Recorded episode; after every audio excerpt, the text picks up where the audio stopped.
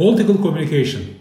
Separate chapters look forward political media and their effects, the work of political advertising, marketing and public relations, and the communication practices of organization at all levels, from grassroots campaigning through to government and international bodies.